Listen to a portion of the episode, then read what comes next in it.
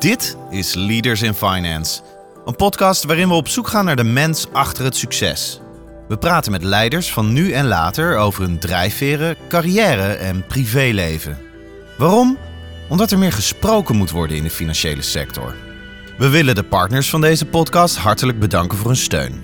Dat zijn Kayak, EY, Otjes Berndsen Executive Search en Roland Berger. Je host is Jeroen Broekema. Welkom bij een extra aflevering van Leaders in Finance. Dit keer een extra aflevering met de host van de Goed met Geld podcast, namelijk Arjan en Bas. Welkom beiden. Dank. Dankjewel. Ze hebben meer dan 200 podcasts gemaakt over een ongekende hoeveelheid onderwerpen en worden door meer dan 30.000 mensen maandelijks beluisterd. Als thema voor deze aflevering heb ik gekozen voor de ondertitel van hun eigen podcast, namelijk De Podcast voor iedereen die goed met geld wil worden. Ik herhaal het even voor de zekerheid. De podcast voor iedereen die goed met geld wil worden. Nou, nogmaals, welkom heren. En ik ben heel erg, heel erg benieuwd, wie zijn jullie precies? En het viel mij meteen ook op, de dubbelvraag, dat jullie alleen met je voornamen genoemd worden overal. We zijn geboren zonder achternaam. Nee. Voor degenen die mij niet kennen, eh, deze stem is van Bas. We zijn een jaar of vier geleden begonnen met, uh, met de podcast. Uh, we hebben helemaal geen achtergrond in de finance. Ik heb een bedrijfskundige achtergrond en uh, werk in de IT. Um, maar, maar wel een passie voor personal finance. Arjan en ik hebben elkaar een aantal jaar geleden gevonden en besloten vanuit de hobby maar toch een podcast te gaan maken. Ja. En als je het dan over financiën gaat hebben en je wil iets delen over hoe je het zelf doet, dan ja, probeer je een klein beetje anoniem te blijven. Wie we zijn is geen staatsgeheim en je kunt ons wel vinden als je best doet. Dit is een uitnodiging voor mensen natuurlijk om hun best te gaan doen. Dat krijg je met zoveel luisteraars. Maar um, ja, we zijn uh, dus achternaamloos uh, Bas en Arjan van de Goed met Geld podcast. Maar je, je vertelt wel veel over jezelf, hè Bas? Dus ja. dat is wel eens wel interessant eigenlijk. Uh, ik heb een medewerker uiteindelijk, in mijn, ik ben ondernemer, ik heb een bedrijf. Um, en ik heb een medewerker uiteindelijk overgehouden aan de podcast. Dus dat is een hele grappige bijvangst. Dat je allerlei mensen leert kennen. En nou, dat er dus ook zakelijk ehm, relaties uit kunnen komen. Ja. Ja, en Arjan, jij nog iets meer over jouw achtergrond? Ja, Arjan, deze stem hoort dus bij mij. Uh, 32 jaar, ik, kom, ik werk in de IT inderdaad. Uh, ik woon in Delft, dat is ook verder geen, uh, geen geheim. Dus als je echt goed gaat zoeken, dan vind je me echt wel. Maar uh, ja, en in, wat Bas zegt, we hebben elkaar gevonden. Wij, eh, wij hadden allebei een, een blog over personal finance. En daarbij zat het doel voornamelijk om, om eerder te kunnen stoppen met werken. Dat is echt onze, onze eigen blog geweest. En op een gegeven moment heeft Bas inderdaad een, het contact gezocht van... hey, er is nog geen podcast over geld in het Nederlands. En in het Engels waren er een aantal. Maar ja, in het Nederlands, dat was wel een unique selling point. Dus uiteindelijk, daar, daar zijn we mee begonnen. En toen hebben we tien afleveringen opgenomen. dat was 2019 geloof ik, uit mijn hoofd gezegd. Ja. En ja, eigenlijk ondertussen, Bas' blog bestaat niet eens meer. Mijn blog is, ja, ik schrijf ook niet zo heel veel meer ondertussen... Maar de podcast bestaat nog steeds. Dus dat, en niet zo, niet zo extreem als onze, als onze blogs. Daar ging het echt over hè, hoe vergaar je zoveel nog vermogen en het eerder kunnen stoppen met werken. Terwijl in onze podcast gaan we juist heel erg in op hey, hoe, hoe ga je nou om met je geld? Hoe kan je dat beter doen, slimmer doen? Uh, hoe kan je er anders naar kijken? Um, en hoe werken systemen? Hè? Want het, het, het, is ook gewoon een stukje kennis. Uh, zonder dat je er meteen zelf mee aan de slag gaat, is het wel fijn om te weten van hey, hoe zit het belastingstelsel nou op zijn minst een beetje in elkaar in Nederland. Uh, die zenuwachtig toen jullie de allereerste opnamen? En waar ging die over trouwens?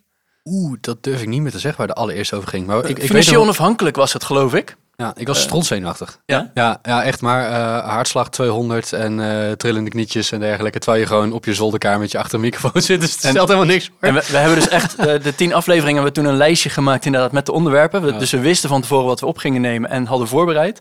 En ik weet ook inderdaad, die eerste aflevering, toen hebben we zoveel voorbereid en zoveel uitgeschreven, dat we uiteindelijk binnen drie minuten hadden we de hele podcast opgenomen.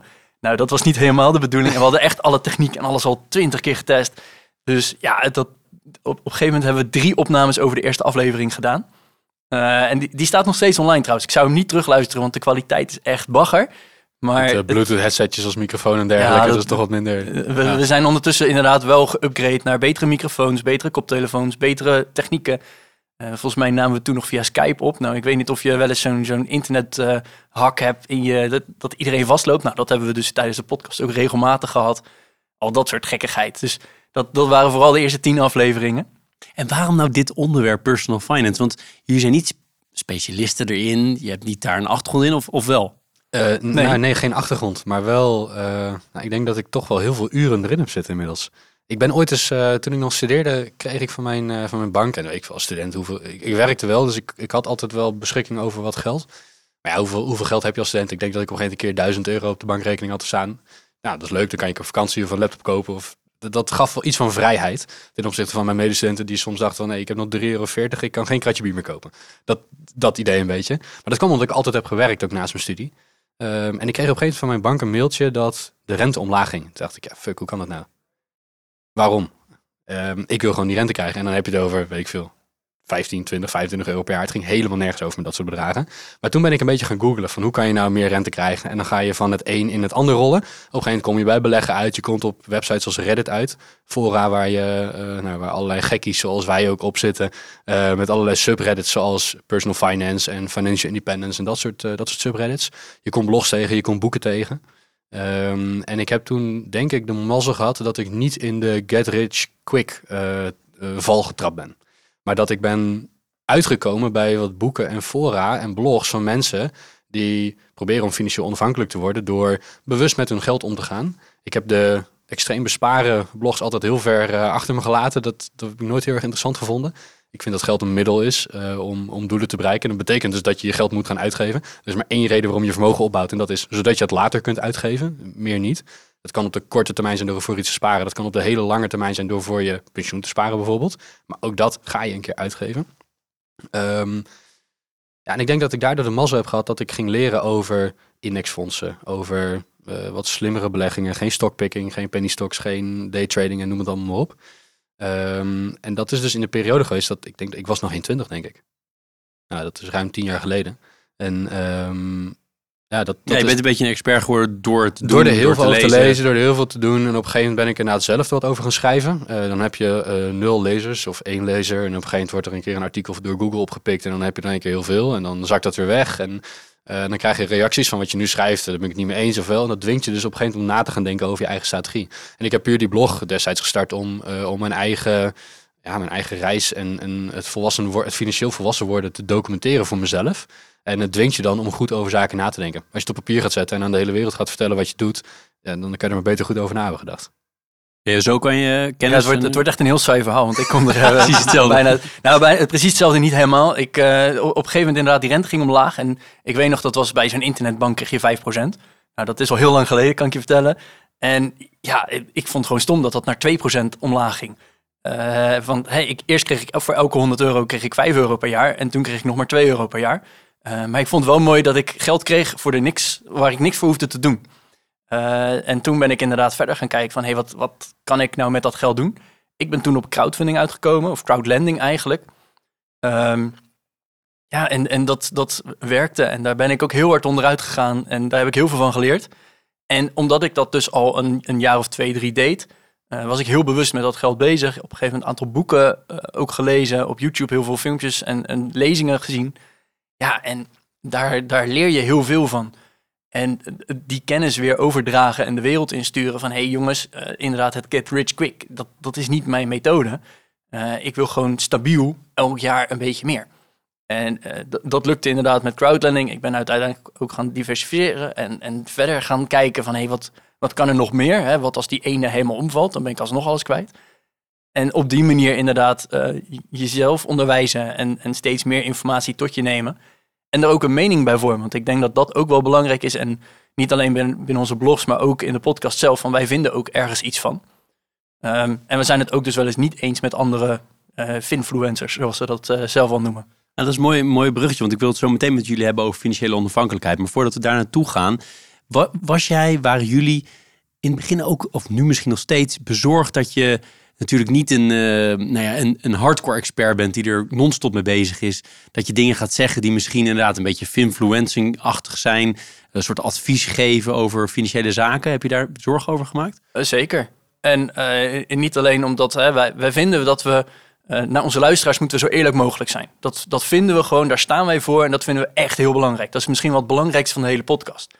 En dat je dan niet vanuit jouw uh, kennis uit de boeken, maar gewoon vanuit eigen ervaringen dingen, dan, dat is niet altijd compleet.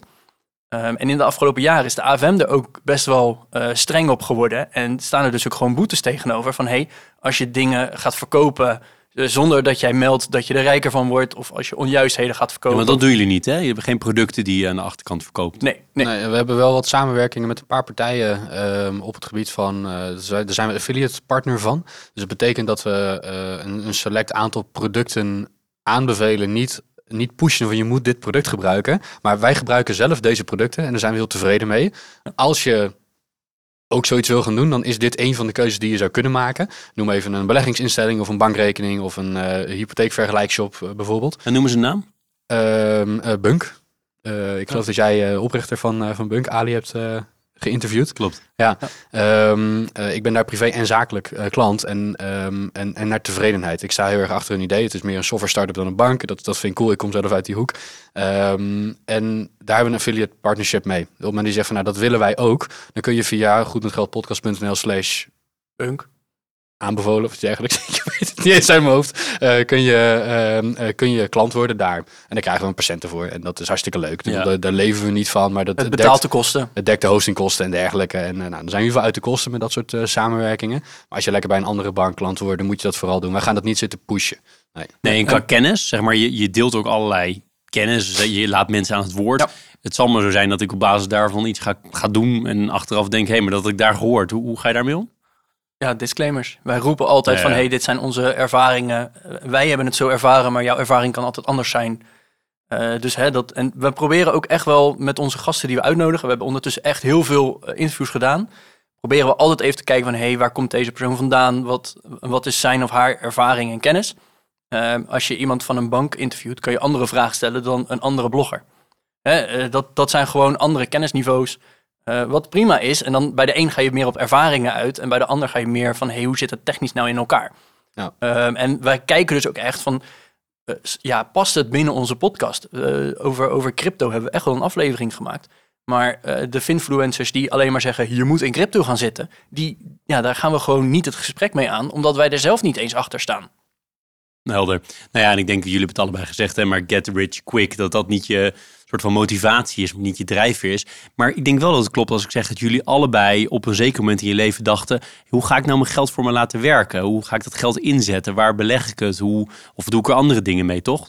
Eh, Zeker. Ja, maar zeker. ook met de motivatie om dat financiële onafhankelijkheid, Bas, jij noemde het al eventjes, te Ja. bereiken. Ja, ja kijk, financiële onafhankelijkheid kan je op heel veel manieren eh, zien. En ik zie het echt als een, ehm, een, een punt in je leven. Of het is, het is misschien niet een, eh, een, een, single point. Het is misschien een soort range waar je op een gegeven moment in terecht komt, een grijs gebied. Waarin je zegt, ik zou dit jaar misschien niet meer hoeven te werken. Want ik heb genoeg geld op de bank om het een jaartje uit te zitten. Ik kan alle kosten betalen, ik kan een sabbatical nemen enzovoorts. Dat is een stuk onafhankelijkheid dat je daarmee hebt. Misschien heb je al zoveel vermogen opgebouwd dat jouw vermogen eh, rendement oplevert en dat je van dat rendement kunt leven. En dan hoef je misschien helemaal nooit meer te werken. Ik ben niet vies van werken. Ik werk 60, 70 uur in de week. Ik heb twee bedrijven, dus dan, dat, dat, dat is nou eenmaal zo.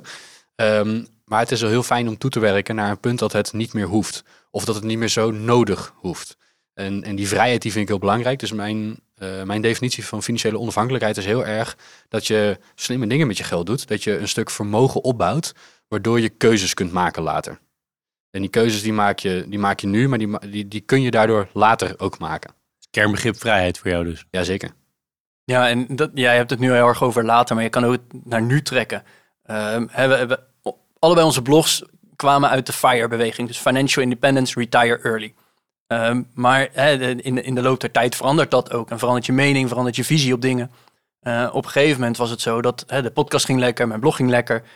Ja, toen ben ik gewoon gaan rekenen. Hey, zou ik een dag minder kunnen werken om daar mijn tijd in te stoppen? En daar eh, eventueel wat extra te verdienen. Of nou, gewoon mijn, mijn energie en mijn passie in kwijt te kunnen. En dat kon ook gewoon uit. En dat kan alleen op het moment dat jij zegt: hey, eh, ik ben dusdanig bewust met mijn financiën bezig. Dat ik met minder voor, eh, het, voor de werkgever te werken. dat ik dan uiteindelijk wel nog steeds rond kan komen. en nog steeds mijn eigen ding kan doen. En alles wat ik dus extra verdien is alleen maar mooi meegenomen. Maar ik heb het niet nodig. En dat is dus die keuze waar Bas ook over heeft. Ja, en of je dat nu doet eh, door een dag minder per week te werken. Of dat je dat over 50 jaar doet. Of over nou, wat 30 jaar, wat, wanneer zijn we met pensioen? Eh, en dan vijf dagen niet meer hoeft te werken. Ehm, en dan gewoon, hè, voor hetzelfde geld is je je hobby. En kan je daar een zakcentje mee verdienen, ja, dan ga je lekker breien. En dan moet je dat vooral doen. Maar ik het- dacht, dat voorbeeld past wel bij jou, dacht ik. eh. ja, nee, dat vond ik dus ook. Er zit ook een heel mooi gebreid overhemd. Ja. nee, maar hè, de- de- de- als je wat geks wil noemen, dan als, je daar, als daar je passie ligt, waarom niet? Weet je? En eh, ja, ik heb dus gekozen om een dag minder te gaan werken om hier mijn passie in kwijt te kunnen. Duidelijk. Heb je, je noemde al even met crowdfunding, ben je hier en daar ook wel even misgegaan. Zijn er nog meer dingen die je echt hebt moeten leren op personal finance gebied? Dingen die je nu nooit meer zou doen, maar die je tien jaar geleden misschien wel overwogen of deed? Of Bas, voor jou, een van jullie twee? Eh, eh, handelen, actief handelen eh, in financiële producten dan. Dus aandelen, crypto, dat soort zaken. Ik, ben, ik zit wel best wel dik in aandelen, maar in indexfondsen. Daar valt niet zoveel aan te handelen. Ik koop elke maand. En ik heb in mijn holding wat zitten en ik heb privé wat. En dat is heel saai. Kunnen we ook niet heel veel meer over zeggen. Elke maand druk ik op de knoop, eh, koopknop en, en that's it. Dan log ik En het actieve handelen doe je niet uit. meer. Waarom? Eh, dat gaat fout. Tenminste, ik heb daar best, nou, best wel wat fouten in gemaakt. Ik heb er wel wat fouten in gemaakt. Zowel met losse aandelen. eh, ooit een keer wat met Tesla zitten spelen. Dat ging toen een beetje af. En toen dacht ik, mm, nou, dit is niks voor mij. Die heb ik met verlies verkocht. En een week later stonden ze drie keer zo hoog. Ja, nou, je maakt een keer zo'n misser. Daar heb ik nog een paar voorbeelden van. Met crypto eigenlijk net zo. Ehm, ik ben niet tegen crypto. Ik heb nog wat in crypto zitten. Nog een, nog een klein deel van mijn vermogen. Gewoon omdat ik de boot niet wil missen. Mocht het inderdaad echt keer duizend nog een keer gaan. Ehm, maar het is geen life-changing money als ik het zou verliezen. En ik zit er ook niet actief in te handelen. Ik heb zo'n cold wallet, die ligt in de kluis thuis. Letterlijk in de kluis. En ehm, daar blijf ik dus vanaf. Ja. Maar handelen, dat heeft mij wel een procenten gekost. En eh, dat, dat doe ik niet meer. Er zijn andere mensen die dat misschien beter kunnen, maar ik niet. Ja, ik kijk inderdaad vooral even naar, naar mezelf. Als ik, eh, ik ben inderdaad met crypto ook wat bezig geweest om te testen. En ook dus actief te handelen. En daar meer de, de penny stocks, dus de, de hele kleine goedkope cryptomunten. eh die als ze een cent meer waard worden, heb je opeens 20% meer of zo. Maar daar was ik ook heel veel tijd mee kwijt. En dat merk ik nu vooral dat ik daar in een, ja, een, overgangsfase zit. Ik doe nog steeds heel veel crowdlending, maar het kost me ook best wel veel tijd. En daar ben ik dus nu veel meer aan het optimaliseren van... hey, wat nou als ik dat gewoon ga afbouwen en eh, daar opeens veel meer tijd uit vrij maak. Dus ik ben daar eh, juist heel erg in aan het leren, want ik vind het allemaal leuk. Eh, ik zit in een vastgoedfonds, ik koop elke maand een boom, ik koop... ik, ik zit in crowdlending, al dat soort dingen. Dus ik vind het heel leuk en ik vind het ook belangrijk om te diversificeren. Eh, maar ik ben dus heel erg aan het leren ook de, de tijdefficiëntie daarin eh, toe te passen. En wordt er genoeg gepraat over personal finance in bijvoorbeeld gezinnen? Of eh, ik geloof dat ik even jullie podcast hoorde dat je een soort van, ik weet niet of het elke maand was elk kwartaal een overleg met je vrouw had van hoe zitten we er eigenlijk bij financieel? Hoe doen jullie het zelf? En in zijn algemeenheid kun je ook zeggen, wo- wordt er voldoende over geld gepraat op die manier? Nou, Bas, jij doet het inderdaad elke maand of elk kwartaal een, eh, een financieel date. Dus Ja. Of, eh, Oh, zo heet het, een finandate. Ja, zoiets. Ik, ik heb er meerdere termen over gehoord ondertussen. Eh, ik doe het veel minder, moet ik heel eerlijk zeggen. Mijn, mijn vriendin, die, ja, het interesseert er ook gewoon veel minder. Dus we hebben het er wel over. En eh, ik vind het heel belangrijk. eh, eh, we zijn bezig met een huis kopen. Dus ik vind het heel belangrijk ook dat zij van elk stapje wat we doen... dat ze in ieder geval weet wat we doen en snapt waarom we dat doen. Maar we hebben het er niet... Ja, want ik hoorde de podcast, jij houdt alles bij, hè? Ik geloof een groot Excel-sheet met alle vakjes Ja. en eh, de rentes ja, en de ja. ontwikkelingen. Ja, echt, echt heel veel. Dat zal ook wel minder gaan worden straks. Eh, omdat eh, straks gaat het op één grote hoop. Dus dan gaan we daar ook in middelen en, en kijken, anders naar budgetten kijken.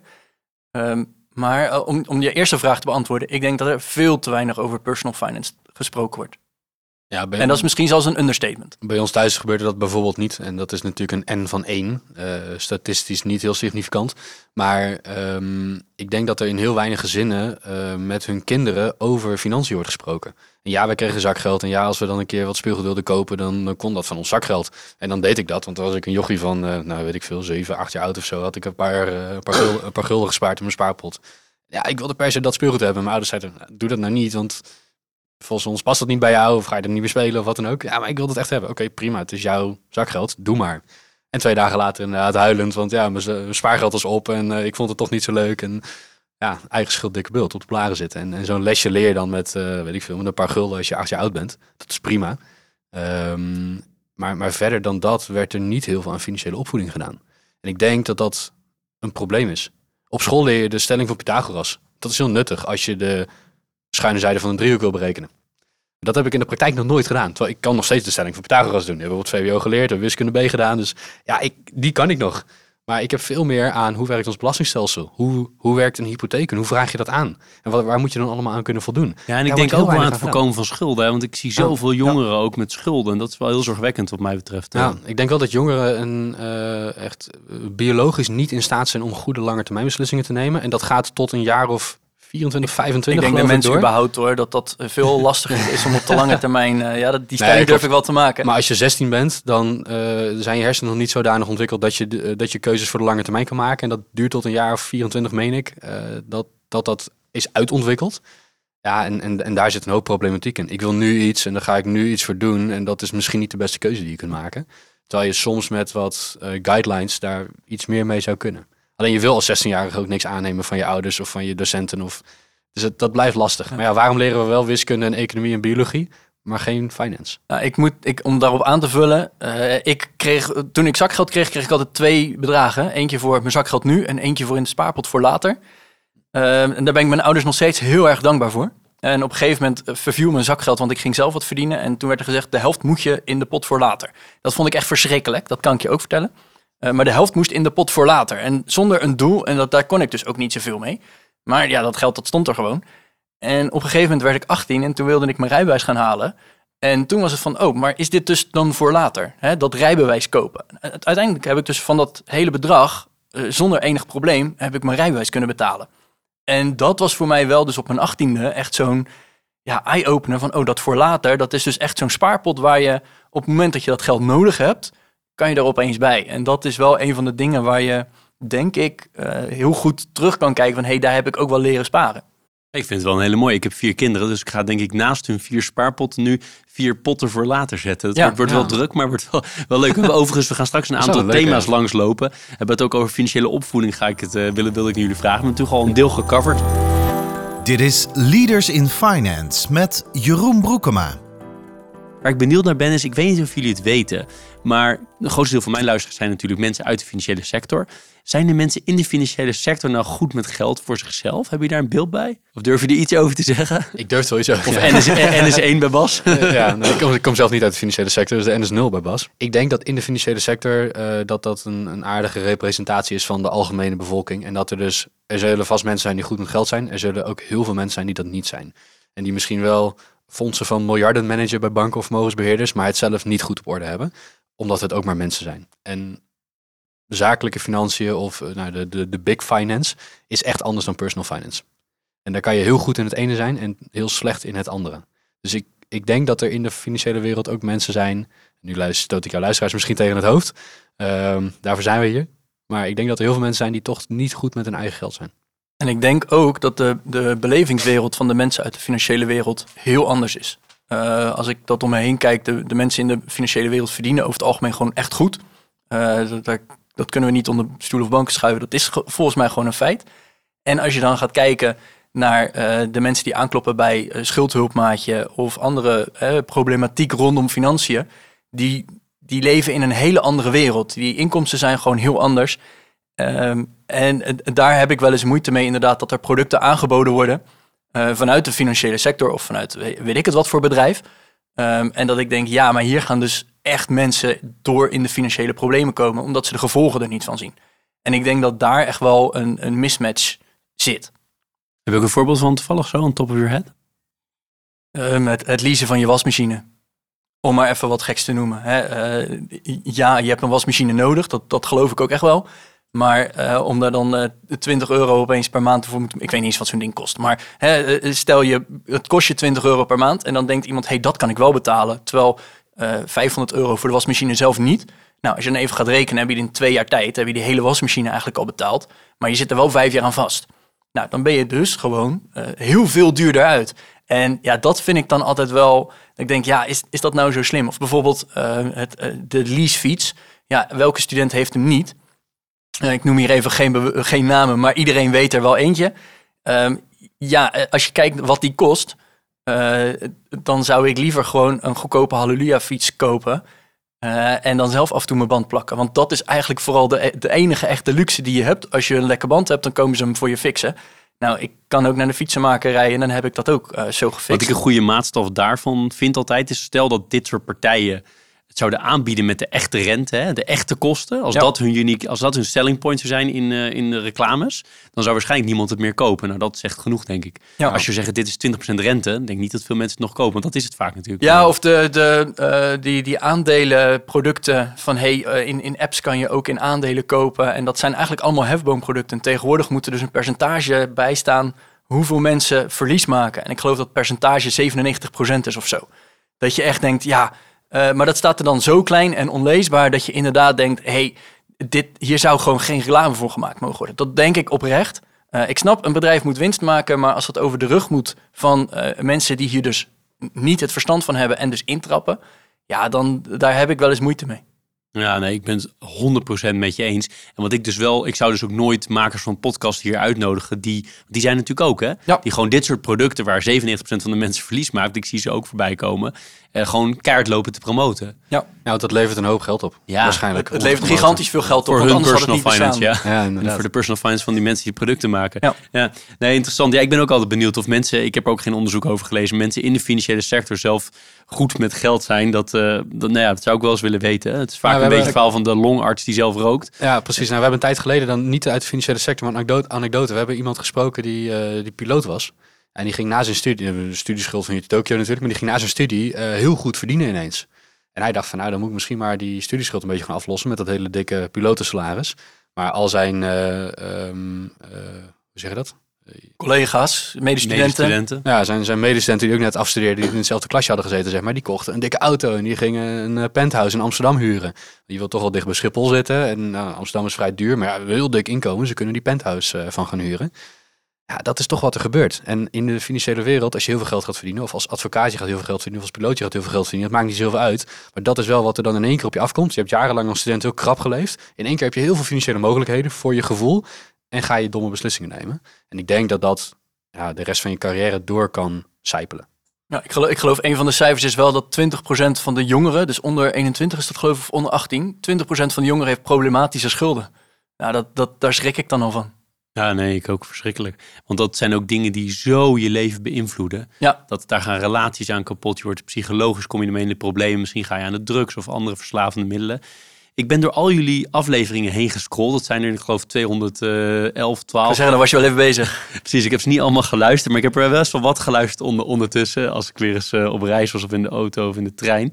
En ik heb er eens een paar uitgepikt. Eh, en jullie hebben deze niet kunnen voorbereiden. Dus hè, als het niet meteen tot eh, hele concrete antwoorden leidt, dan, dan snap ik dat. Maar ik heb er gewoon een paar uitgepikt die ik interessant vind. De eerste is ehm, hypotheek. Hè? Eh, heel veel Nederlanders die een huis bezitten hebben hypotheek. Eh, kun je aflossen. Eh, maar je kunt ook zeggen, ik los niet af. Ik doe alleen wat ik moet aflossen. En de rest ga ik eh, beleggen of sparen. Hoe kijken jullie daarnaar? Oh, dat ligt een beetje aan de hypotheek en aan de, aan de financiële situatie. Ik zou zelf, ehm, nou, met mijn huidige hypotheek, eh, anderhalf procent rente, 20 jaar vast. Huis dat zeker lang niet onder water staat en eh, nou, gewoon best wat overwaarde in zit, zeg maar. Zou ik eigenlijk zeggen, niet of nauwelijks additioneel aflossen. Als je in de knoei komt omdat je rente heel hoog is of omdat je rente binnenkort gaat aflopen. En je hebt nu een laag rente, maar je ziet dat die naar de 5% gaat. Als die dit jaar afloopt.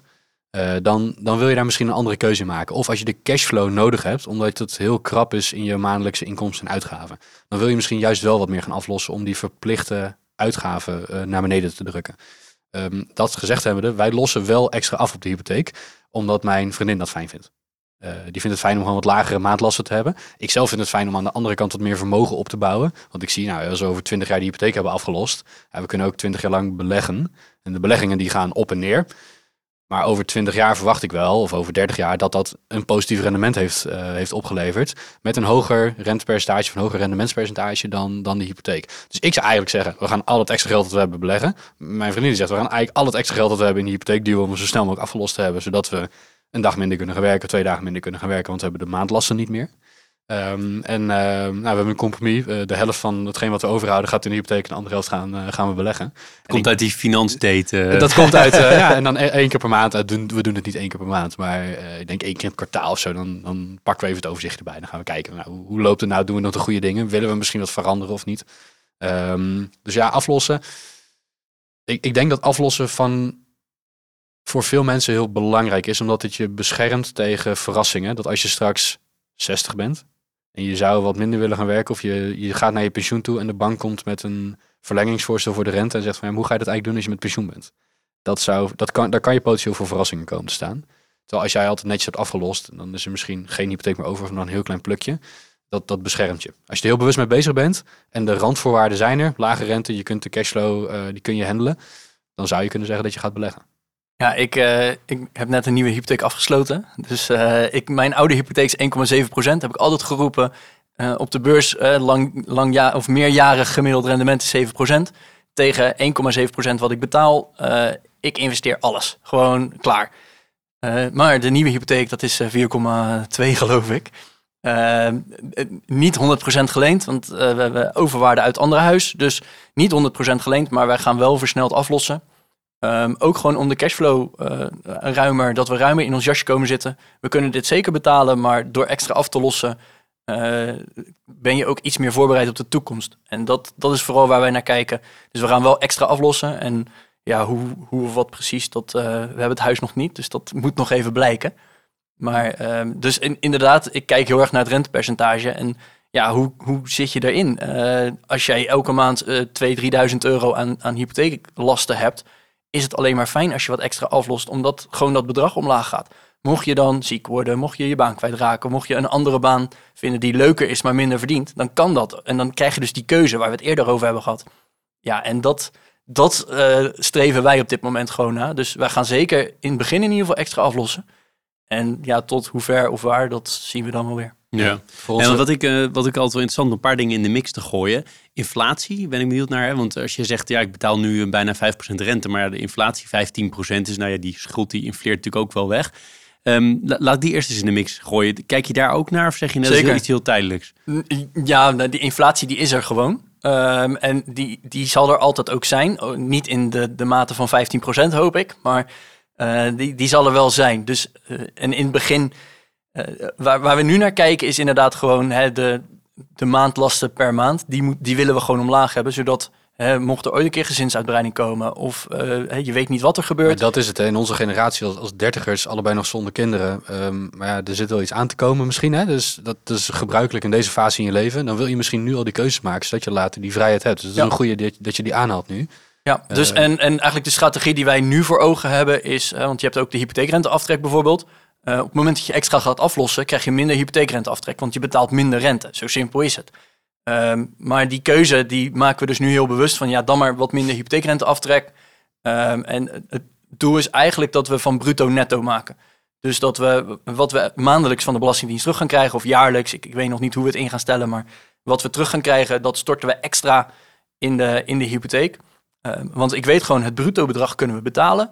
Um, en dat netto bedrag, ja, als je, als je dat echt nodig hebt, dan wil je dat gewoon kunnen gebruiken. Maar dat hebben we niet nodig, dus dat lossen we extra af. Uh, en door dat bedrag wel steeds uh, elke maand hetzelfde te houden, krijg je eigenlijk een sneeuwbal. En die sneeuwbal wordt steeds groter, want je lost elke maand net een klein beetje meer af. Um, dus ja, dat, dat is eigenlijk voor nu het plan om in ieder geval een jaar of anderhalf vol, vol te gaan houden. Ja, ik kan me voorstellen, het mooie om te zien is dat je maandbedrag steeds minder wordt daardoor. Dat ja. sneeuwbaleffect. Wat ik altijd zeg is, het is belangrijk om je uitgaven te disciplineren.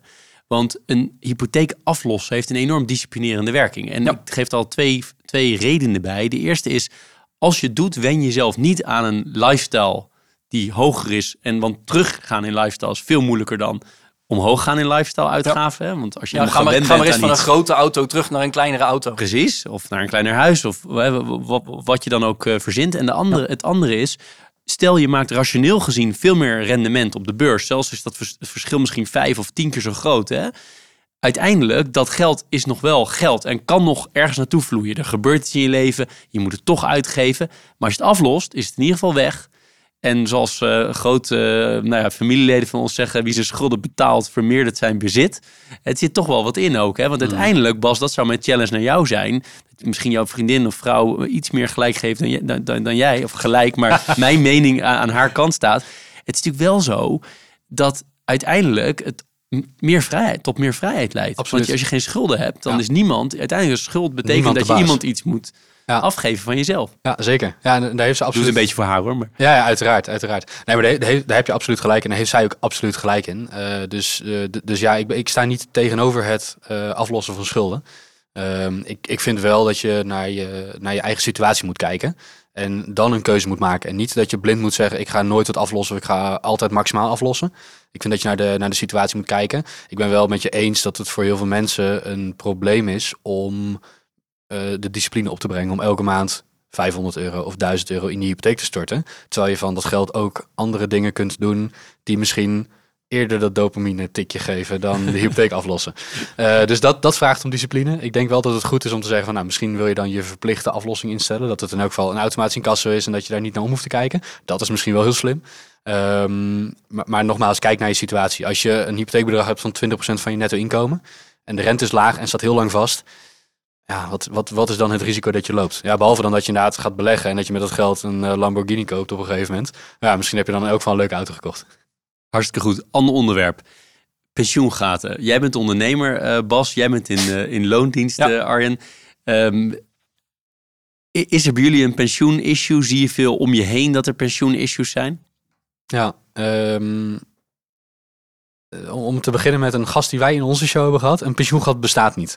Um, een pensioengat is een fiscaal principe. Um, en zo heb ik eigenlijk ook altijd naar mijn pensioen gekeken als ondernemer. Ik, ik heb een, een, fiscale ruimte die ik mag gebruiken om in box 1 een pensioen op te bouwen. Dus dat, heeft, dat geeft belastingvoordelen. Um, maar het feit dat je die niet volledig gebruikt, betekent niet dat je een pensioengat hebt. Fiscaal gezien wel, maar je moet kijken naar wat je nodig hebt. Wat je nodig denkt te gaan hebben later. En um, nou, dat zal voor Arjen wat eenvoudiger zijn, waarin zijn werkgever toevallig een heel goed pensioen verzorgt. Uh, dat, dat is bij mij niet het geval. Ik moet er echt zelf voor zorgen. En ik denk dat het stukje financiële onafhankelijkheid of het streven daarnaar, dat dat meespeelt erin. Je kunt natuurlijk op heel veel manieren. Een pensioen is niks anders dan een inkomen wat je later gaat genieten. En daar kun je op heel veel manieren uh, voor zorgen. Je kunt inderdaad in een pensioenfonds mee gaan doen. Of je kunt in een uh, geblokkeerde spaar- of beleggingsrekening uh, gaan sparen voor je pensioen vanuit je fiscale ruimte die je daarvoor hebt. Um, als ondernemer heb ik een inkomen, maar bouw ik geen pensioen op, dus heb ik die fiscale ruimte. En ja, ik heb inderdaad ook zo'n beleggingsrekening, waarin ik dus elk jaar wat geld stort, zodat er in elk geval op mijn pensioendatum iets is waar ik een uitkering van kan aankopen. Maar daarnaast bouw ik ook in wat meer flexibele potjes vermogen op. Ik heb een pand dat ik verhuur uh, en wat ik aflos. Dat is straks volledig van mij. Er is niet, niet een bank die daar nog iets, uh, iets van wil hebben. Um, en dat levert een inkomen op. Of ik kan hem verkopen en dan is er in één keer een hoop, uh, een hoop cash dat, uh, dat vrijkomt. In mijn BV heb ik een, uh, een spaarpot, een beleggingspot. En privé hebben wij gezamenlijk ook nog een beleggingspot. Dus ja, dat, dat inkomen voor later, dat kan een pensioenproduct zijn. Dat kan ook een, een box 3 beleggingsrekening zijn. Of in box 2 als je, als je een ondernemer bent met een BV. Daar kun je ook vermogen opbouwen waar je later van kunt gaan eten. En um, ik denk dat je goed moet kijken naar wat heb je later nodig. Of wat denk je later nodig te gaan hebben. En in hoeverre wil je flexibiliteit opgeven voor een klein beetje fiscaal uh, voordeel dat je eruit haalt? Ja, in een pensioenproduct heb je fiscaal voordeel, ja. Maar je stopt je geld ook wel in een rekening waar je de komende 20, 30, 40 jaar, afhankelijk van je leeftijd, niet bij kan komen. Je doet mee aan een spelletje waarvan jij de regels niet kan bepalen, maar de tegenpartij kan op elk moment de regels veranderen. En daar heb je dan maar mee te dealen met al het kapitaal dat je dan hebt opgebouwd. Als je net begint, is het 1000 euro in, haal je schouders op ben je al 40 jaar bezig en staat er een paar ton in zijn rekening en de regels veranderen, dan heb je daar maar mee te dealen. Dus ik, ik leg daar het minimale in, zodat er altijd iets achter de hand is. Dat als alle andere zaken mislukken, hebben we in elk geval iets geregeld voor later. Um, maar, maar het gros mijn vermogen bouw ik op in mijn BV en in privé. Uh, ja, ik heb vanuit mijn werkgever wordt gewoon het, het, pensioen, de ruimte wordt volledig benut. Dus uh, ik heb het makkelijkst praten, denk ik, van, uh, van de drie hier. Um, want daar heb ik gewoon geen keuze in. Dat wordt gewoon voor me gedaan. Daar ben ik ook heel blij mee. Uh, maar ik denk, en, en, in aanvulling op Bas, uh, het is inderdaad, wat heb je nodig? Maar ook wanneer heb je dat nodig? Want hè, de pensioendatum die staat uh, naar voor ons ondertussen op 75, geloof ik. um, en hè, inderdaad... Toch in Frankrijk gewoon. De, de spel, ja. Dan gaan we, welke, welke kleurhesjes moeten we aan? Nee, um, de, de, we moeten dus inderdaad ook gaan kijken van ja, voor ons ligt die datum daar. Maar wil je dat ook tot die datum werken of weer eerder? En hoe, wanneer wil je dat dan hebben? Kijk, ik heb nu, uh, ik, ik werk al een dag minder. Dat kan je ook zien als een soort van met pensioen gaan, want ik werk al een dag minder. Uh, Oké, dat is uitgesmeerd over weet ik het hoeveel jaar en één dag per week. Maar het is ook al minder werken. En ik denk dat, dat je daar even naar moet gaan kijken van voor hetzelfde geldt weer een tussenpensioen. Dat is een hele populaire term tegenwoordig. Dat je gewoon zegt, ik ga een half jaar eruit. Nou, sommigen noemen het sabbatical, anderen noemen het tussenpensioen. Maakt niet uit.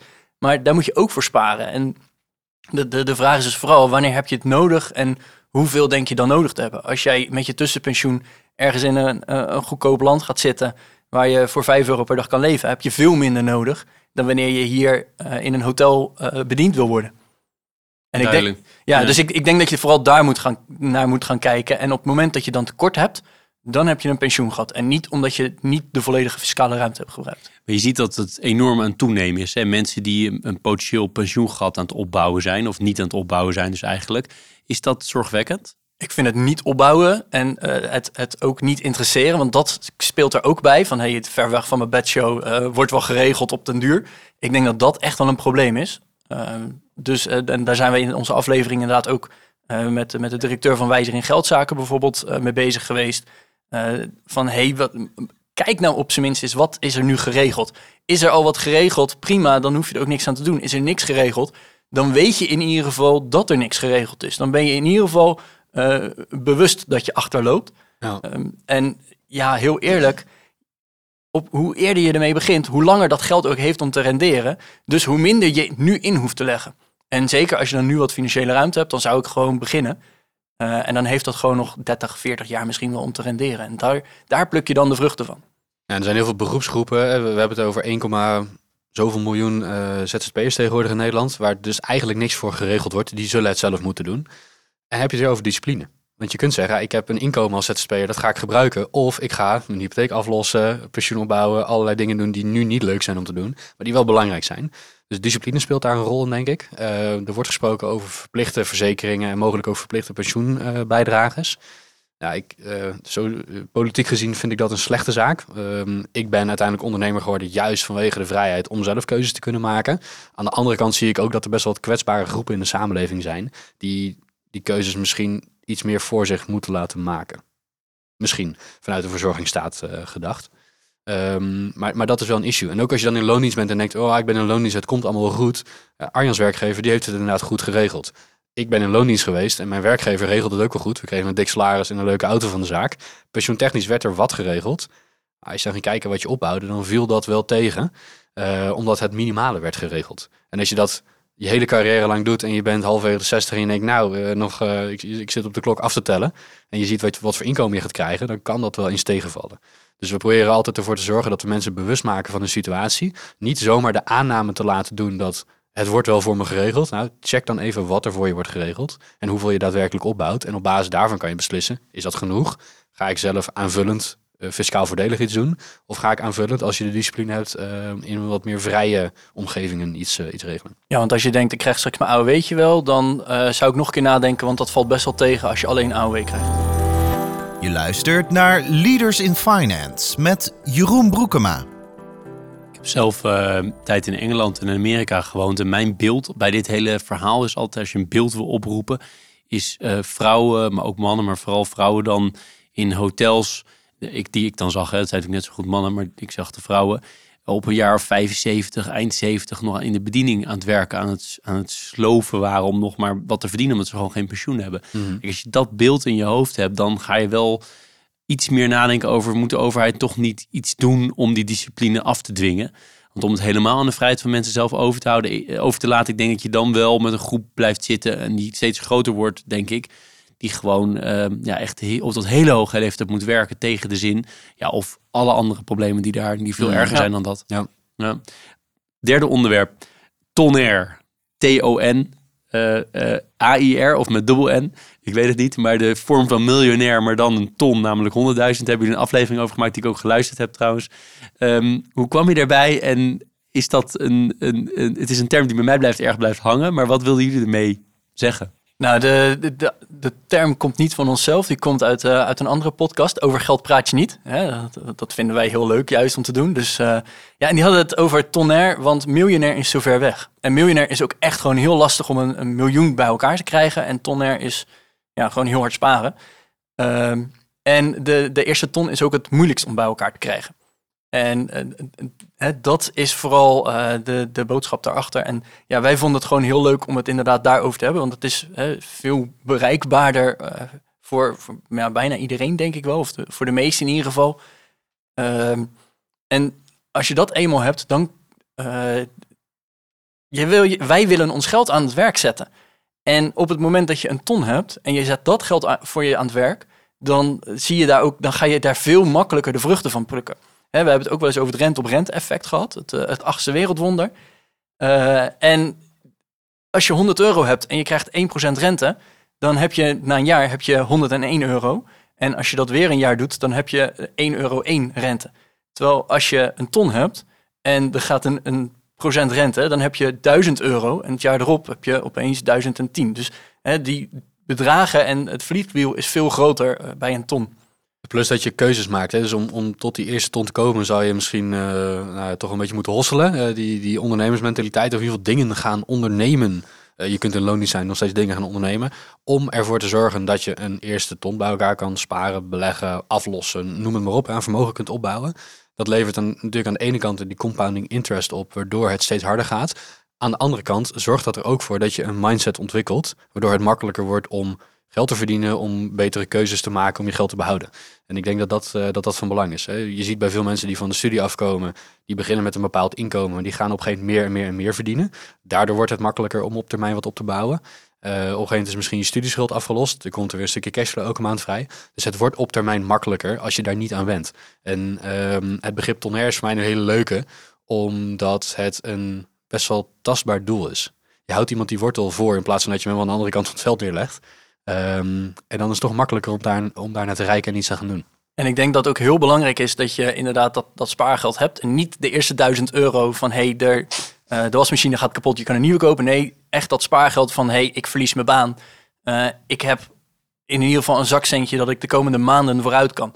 Eh, ik heb net een huis gekocht. Nou, ik weet niet of je dat wel eens gedaan hebt, maar dan moet je dus zelf ook aardig geld even bij de notaris aftikken. En dan krijg je een maand later weer terug. Eh, als je je eigen huis weer verkoopt en hè, dat, dat kan je niet helemaal financieren.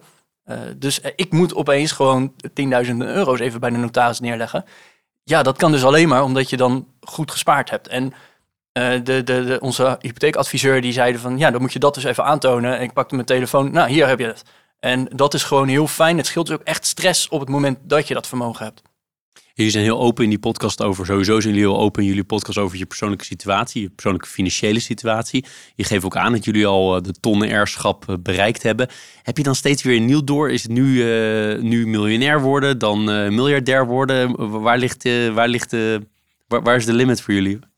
Ik ga niet zeggen Elon Musk, watch out, dat niet. We're not coming for, for you.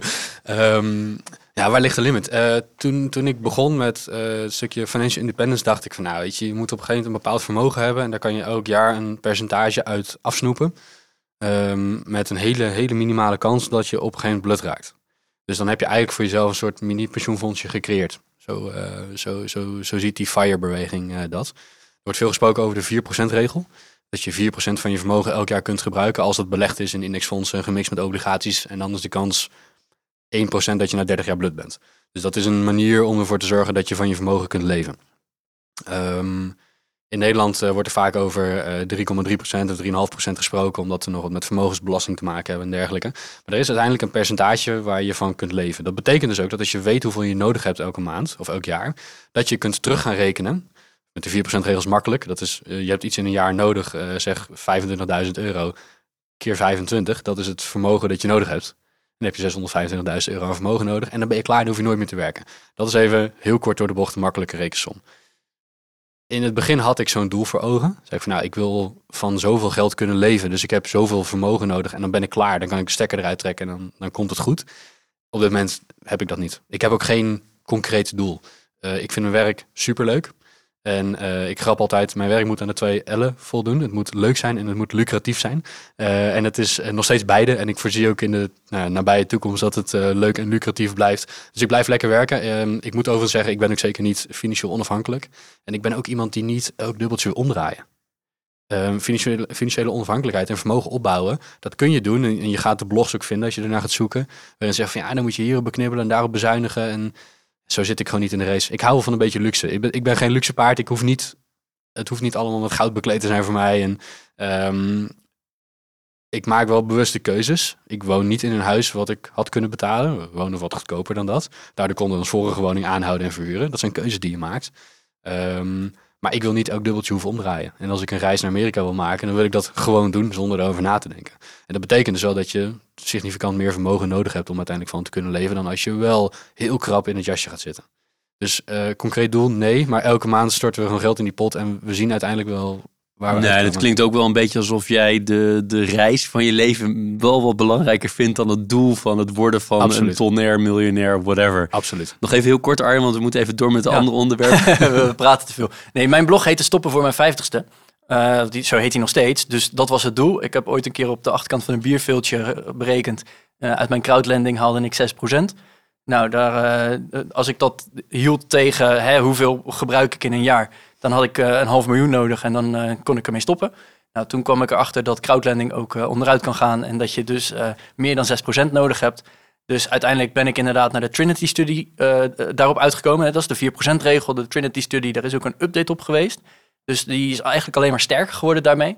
In Nederland kom je uit op een, een 3,5% inderdaad. Dus daar heb ik wel lang naar gewerkt.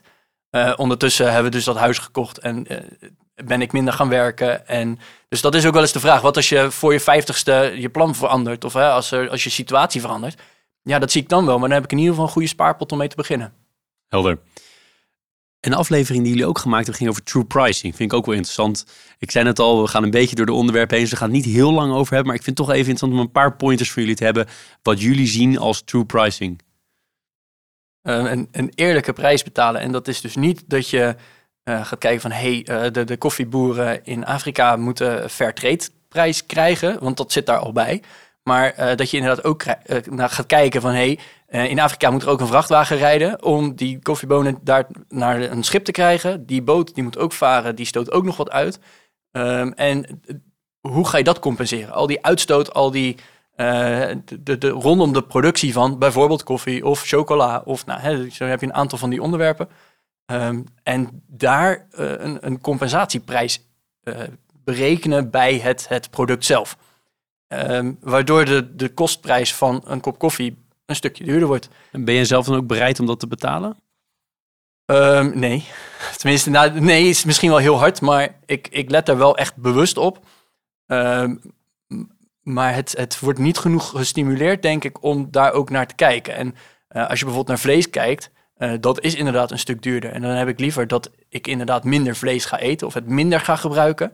Ehm, en dan, eh, als het dan automatisch duurder wordt, prima. Maar ik zal niet zomaar vrijwillig eh, dat extra bedrag... Maar koop je dan, ga je dan minder, ga je dan toch nog steeds het goedkoopste stuk vlees kopen? Of zeg je van nou, ik ga wat minder eten, maar koop dan wel wat kwalitatief wat beter, waar misschien iets meer Vaak true wel, price ja. in zit? Ja. En bij jou, eh, Bas? Ja, hetzelfde verhaal. En ik, ik denk dat ik wel bereid zou zijn om eh, naar, naar veel meer een true pricing model te gaan. Dus inderdaad, we kopen niet de allergoedkoopste koffiebonen van een paar euro de kilo. Want je weet gewoon, één, die koffie is niet te zuipen. Maar anderzijds is het ook, eh, de manier hoe, dat, hoe die prijzen tot stand zijn gekomen zijn, is misschien ook niet helemaal fair of niet goed voor de mensen of voor de wereld. Ehm, dus, dus daar zijn we zeker wel toe bereid. Ehm, ik denk dat je het een stap verder kunt trekken. Dat je inderdaad echt de vervuiler gaat laten betalen. Eh, dat voor door middel van een CO2-tax bijvoorbeeld. Als je heel veel wil uitstoten, dat is prima, maar dan moet je ervoor betalen. En dat geld dat we daarmee ophalen als Nederland zijnde of als Europa zijnde, dat kunnen we gebruiken voor groene initiatieven. Om eh, windmolenparken te subsidiëren of om, nou, weet ik veel, ik heb, geen, ik heb er geen verstand van. Maar om, eh, om zaken te doen die goed zijn voor de wereld, om, om te compenseren. Laat de vervuiler maar betalen voor de transitie die we voor ogen hebben. De vleesindustrie is er één van. Ik hou best wel van een lekker stukje vlees. Ik ben geen vegetariër. Maar ik eet liever wat minder vaak vlees van goede kwaliteit. Dan dat ik de kiloknaller bij de, eh bij de grootgutter koop. Om daar eh, zoveel mogelijk vlees voor een lage prijs te kunnen kopen. Dus dat zijn wel keuzes die ik bewust probeer te maken. Aan de andere kant, ik, ik ben geen econoom, maar ik hoor wel de verhalen dat als je zaken als een CO2-tax gaat toevoegen, dat dat juist de onderkant van de samenleving het hardste raakt omdat mensen die veel te besteden hebben, die kunnen ook nog wel een paar procent extra betalen. Maar juist degenen die voor hun, auto, eh, voor hun werk afhankelijk zijn van de auto, die moeten in één keer het dubbele voor de benzine gaan betalen. Dat is pijnlijk. Dus, dus ik weet ook niet zo goed, hè, ook eh, tussen landen in. eh, we hebben in Nederland straks een CO2-tax. Gaan alle fabrieken dan naar België of naar Duitsland? Ik, ik weet ook niet hoe we dat in de economie, economie moeten inregelen. Ik denk wel dat we iets moeten doen om ervoor te zorgen dat, nou ja, dat je de werkelijke prijs van producten gaat betalen. En of dat dan van voedsel is of van energie of van wat dan ook, dat maakt niet zoveel uit.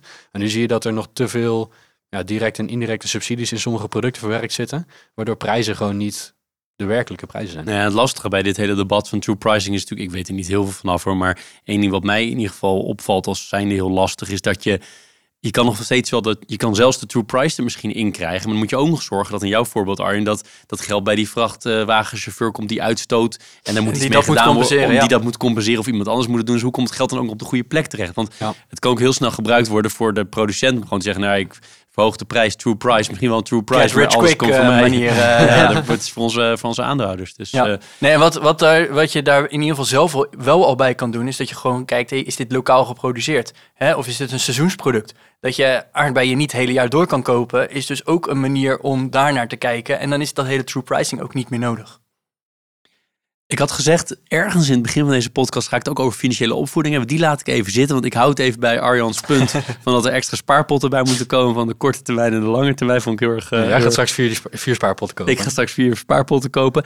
Maar waar ik het onderwerp wat ik zeker niet wil laten zitten is belastingen. Daar kunnen we nog één, jullie hebben er zelfs geloof ik eh, tien podcast of zoiets over gemaakt. Maar Ja. daar kun je uren over praten. Maar ik ben toch wel even nieuwsgierig naar wat deze twee heren hier aan tafel vinden van ons Nederlandse belastingstelsel. Hoe ze er zelf naar kijken, welke belastingen goed zijn, welke niet. Even een aantal hoge overstatements vind ik toch wel erg leuk voor, om toe te voegen aan deze podcast. Arjan, jij eerst of? Nou, de, de beste tip om minder belasting te betalen is niks kopen. Want dan hoef je geen BTW te betalen. Dat is de, dat is de makkelijkste. Ehm, ik denk op het moment dat je veel verdient, dat het ook gewoon fair is dat je daar belasting over betaalt. En dat, dat, ik zie Bas al knikken, dat, dat zijn we gewoon van mening. Eh, op het moment dat je veel verdient, hoort daar gewoon veel belasting bij. Punt. Ja. Ehm, ik vind het, het stelsel en het systeem in Nederland wel ontiegelijk veel te moeilijk. Eh, ik heb gisteren de belastingaangifte met mijn vriendin gedaan. Die had een inleg in de pensioen gedaan en er zaten wat extra dingen omheen. Dat ik denk, ja, dit- het, het wordt ook gewoon niet makkelijk gemaakt. En eh, wat ik dan heel lastig vind, en waarschijnlijk schop ik nu tegen wat schenen aan, maar eh, de Belastingdienst weet het zelf ook al. En ze zijn al tien jaar bezig met het systeem eh, ombouwen, omkatten. En, en de IT loopt weer achter en loopt weer vertraging op. Ze zijn er al tien jaar mee bezig. En dat vind ik dan heel lastig, dat er nu geen belastingstelselhervorming kan komen, omdat de IT het niet aan kan. En dat vind ik dan wel, dat ik denk, ja, het is echt een gigantisch lastig systeem met allemaal uitzonderingen en weer toeslagen en weet ik het wat. Eh, ik snap dat er dus heel veel ook mis in gaat. Nou, kijk maar naar het toeslagenstelsel. Dat is denk ik wel het voorbeeld wat allemaal mis is gegaan. Ehm, maar dat we dat dus ook niet kunnen repareren, omdat ze al 10, 15 jaar ermee bezig zijn en het lukt niet. Ja, dat, dat, dat schopt mij eh, tegen de CRW. Ja, ik sluit me daar wel bij aan bij de complexiteit. Die zou anders moeten. Ehm, eh, ja, ik verdien veel geld en ja, ik ben kapitalist en ja, ik zou best wat minder belasting willen betalen, absoluut. Aan de andere kant, eh, het feit dat we hier in Nederland belasting betalen, betekent ook dat we goede wegen hebben om overheen te rijden. En dat maakt dat ik bij mijn klant kan komen en dat ik dus zaken kan doen. Ehm, het maakt ook dat ik voor weinig geld heb kunnen studeren, omdat het voor een groot deel gesubsidieerd wordt. Eh, waardoor ik nou, kennis heb en een ingang heb gehad enzovoorts. En waardoor ik nu mensen kan vinden die van de opleiding afkomen en die voor mij kunnen werken. Dus het feit dat wij belasting betalen eh, doet heel veel goeds. Ik denk ook dat er heel veel verspild wordt en daar, daar heel kritisch naar moeten kijken. En dat het stelsel dat we hebben gewoon simpeler moet worden gemaakt. Ehm, aan de inkomstenbelastingkant is het al vrij complex met allerlei aftrekposten en wel eens niet. Nou, jullie doen de belastingaangifte nog zelf. Ik heb dat altijd gedaan. Eh, sinds ik een, eh, een BV heb, laat ik het doen. De accountant doet de jaaraangifte en de vennootschapsbelasting en neemt ook de privé-IB mee. Ehm, maar het is gewoon een heel complex verhaal. Ook zakelijk. Het is nog veel, veel complexer dan, eh, dan, dan privé. Ik weet niet of jij eh, er wat van meekrijgt als ondernemer. Nee, ik beaam het 100%. Het is heel Ja. complex. Weet je, Ja. als je een investering doet, je koopt een, eh, je koopt een, een podcaststudio met allemaal microfoons en een laptop en noem het maar op. Dan krijg je een investeringsaftrek. Maar die mag je alleen gebruiken als je minimaal een bepaald bedrag hebt geïnvesteerd in een jaar. Maar het mag ook weer niet te veel zijn.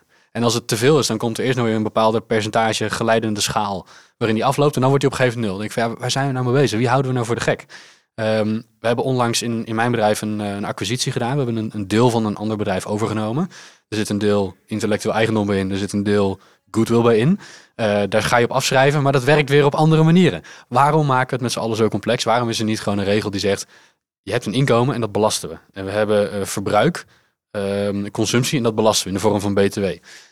Waarom maken we het met z'n allen zo complex? Dat, Ja. Ik, ik, Kijk, ik begrijp dat niet. We hebben wel een hele aflevering ook opgenomen over de marginale belastingdruk. Op het moment dat jij, eh, dan is het tot een bepaald niveau en dan onder voorwaarde van hey, je hebt een huurhuis en eh, zorgtoeslag en huursubsidie, al dat soort dingen. Maar als jij een euro meer ging verdienen, dan ging je nog geen 20 cent netto erop vooruit. Ehm, ik ben een dag minder gaan werken, dat is 20% minder bruto loon, maar ik ben maar 15% van mijn netto loon kwijtgeraakt. Simpelweg omdat de marginale belastingdruk, eh, ja, eigenlijk het, het hele, eh, het, gaat, het loopt scheef. En ik denk dat dat het heel erg lastig maakt. En dat eh, dat het dus ook niet, wat nu de hele discussie is, werken loont niet per se.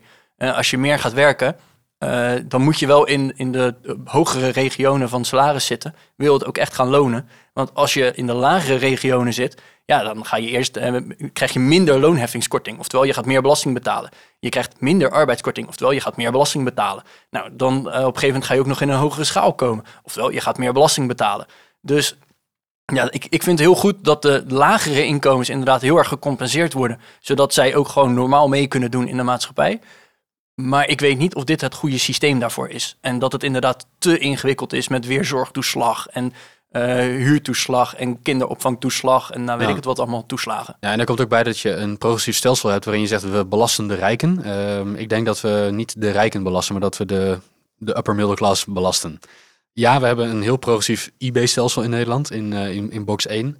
Eh, tot een paar ton aan inkomen ga je significant veel belasting betalen als je, eh, als je dat in box 1 hebt. Ga je miljoenen of tientallen miljoenen of miljarden verdienen, dan betaal je helemaal geen belasting meer. Want dan laat je dat via Cyprus lopen of via de Cayman-eilanden of dan dan betaal je iemand van een, van een fiscaal jurist die dat voor jou gaat uitzoeken. En dan betaal je helemaal geen belasting meer. Dus hoezo we belasten de rijken in Nederland? Dat, dat gebeurt niet. We belasten degene die net iets meer dan middelklas verdienen.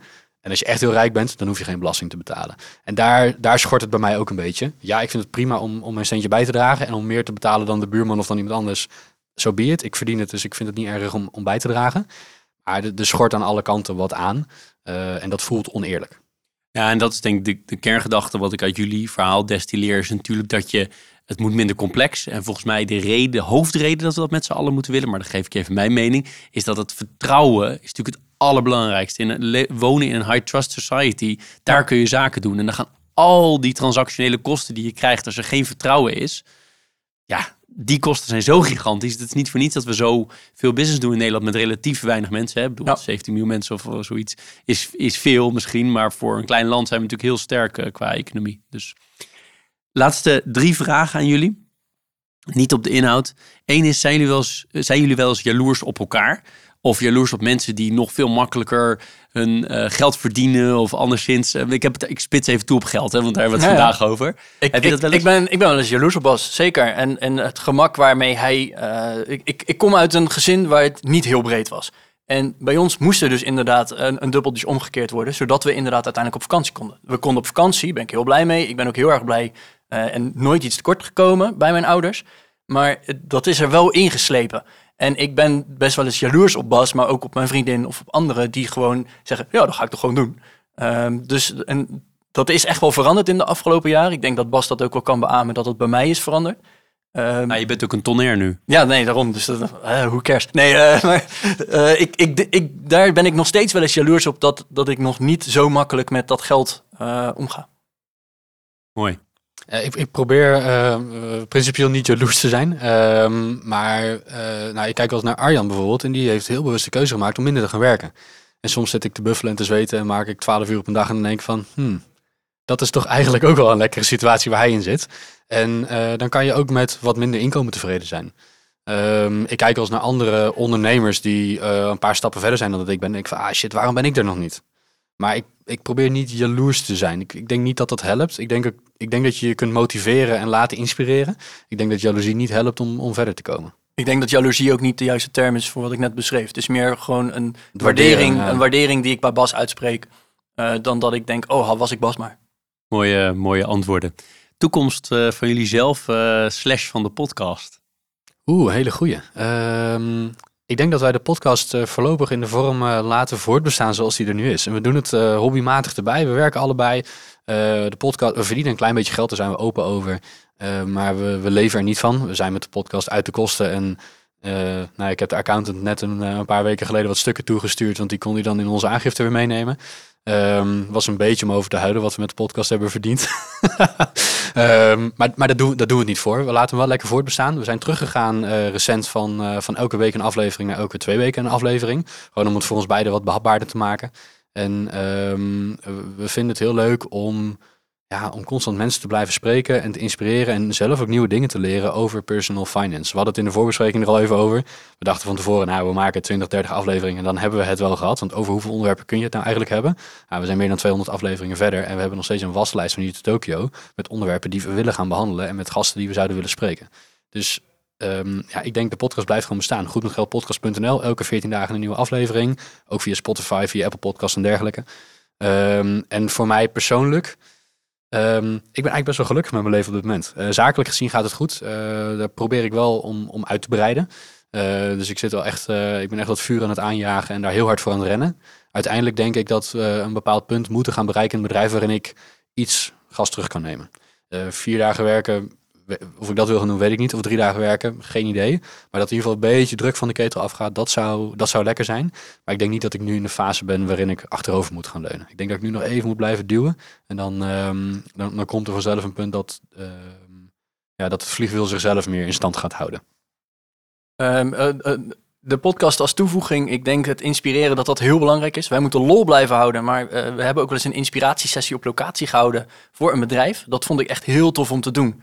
Uh, verdienen we ook wat mee, hè, dat, maar we moeten uit die naam halen we dan ook wat inkomsten om de kosten te dekken. Uh, dat hoop ik voor de toekomst wat vaker te kunnen doen. Om inderdaad mensen die normaal niet naar onze podcast luisteren, wel in twee uur kan inspireren van hey, doe nou eens wat met je geld. Kijk op zijn minst naar, wees bewust dat je misschien tekort komt of dat je het heel goed doet. dus dat vond ik heel leuk. persoonlijk, ik denk dat ik vooral lol wil blijven hebben. Uh, ik heb uh, twee jaar terug heb ik een burn-out gehad. Uh, die was best wel pittig.